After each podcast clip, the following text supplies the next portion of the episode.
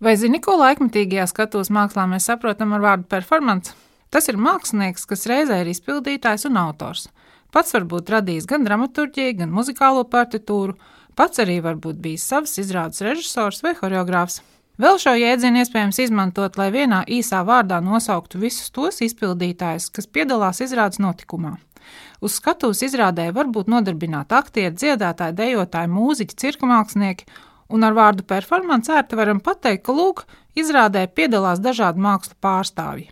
Dažkārt katrs no viņiem darbosies tikai savā jomā dziedās, dejos, muzicēs vai spēlēs konkrētu dramatisko varoni, bet dažkārt viens un tas pats mākslinieks viens izrādes ietvaros var ieņemt vairākas lomas, gan dejot, gan muzicēt, gan runāt, un, kā jau iepriekš tika minēts, būt pat darba līdzautors.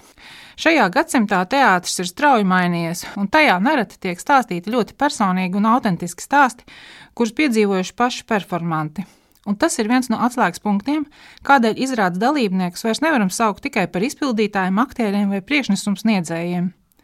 Latviešu valodā aktieris primāri saistās ar iepriekš uzrakstītas dramaturģijas lomu atveidotāju, kamēr laikmatīgajā teātrī aktieri itin bieži ir savu izrāžu līdzautori visdažādākajos līmeņos.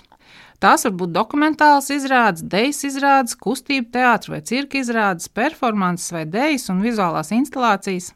Pie vārda performance teātris kopienas pētnieki ir nonākuši mēģinot latviešu valodā pēc iespējas precīzāk iztulkot teātrim veltītus teorētiskos darbus. Jau vairākus gadus Latvijas Kultūras Akadēmijā sadarbībā ar citām mākslu augstskolām un humanitāro zinātņu institūcijām strādāts pie šādas tulkojuma bibliotekas veidošanas. Pat labam tulkotie darbi un darbu fragmenti lasāmi Literatūras, Folkloras un Mākslas institūta humanitāro un mākslas zinātņu digitālajā platformā Huma LV.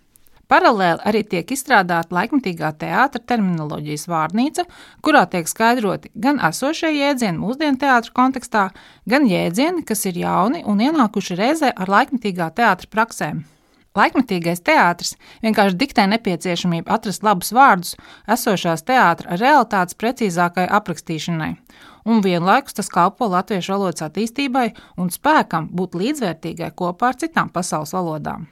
Varētu domāt, ka angļu valodas vārdu performer joprojām varētu lietot šī vārda līdzinējā tulkojumā performeris, dažkārt performātors vai performētājs, bet tam savā ziņā diemžēl ir tāda kā sarunvalodas un slēnga intonācija, līdzīga kā būmerim un influencerim. Nobeigumā minēšu dažus teātris prakses piemērus. Ģertrūdas ielas teātrī 2020. gadā tapa pazaudētās dziesmas. Performanti Agate Bankava un Artūrs Čukurs izdzīvo konkrētu kustību partitūru, muzicē un runā. Vienlaikus viņi kopā ar režisoru Andreju Jarovai bija idejas autori. Vēl viens piemērs no jaunā Rīgas teātra repertuāra - Kalpa zēna vasaras sākums, kas tapa 2018. gada rudenī.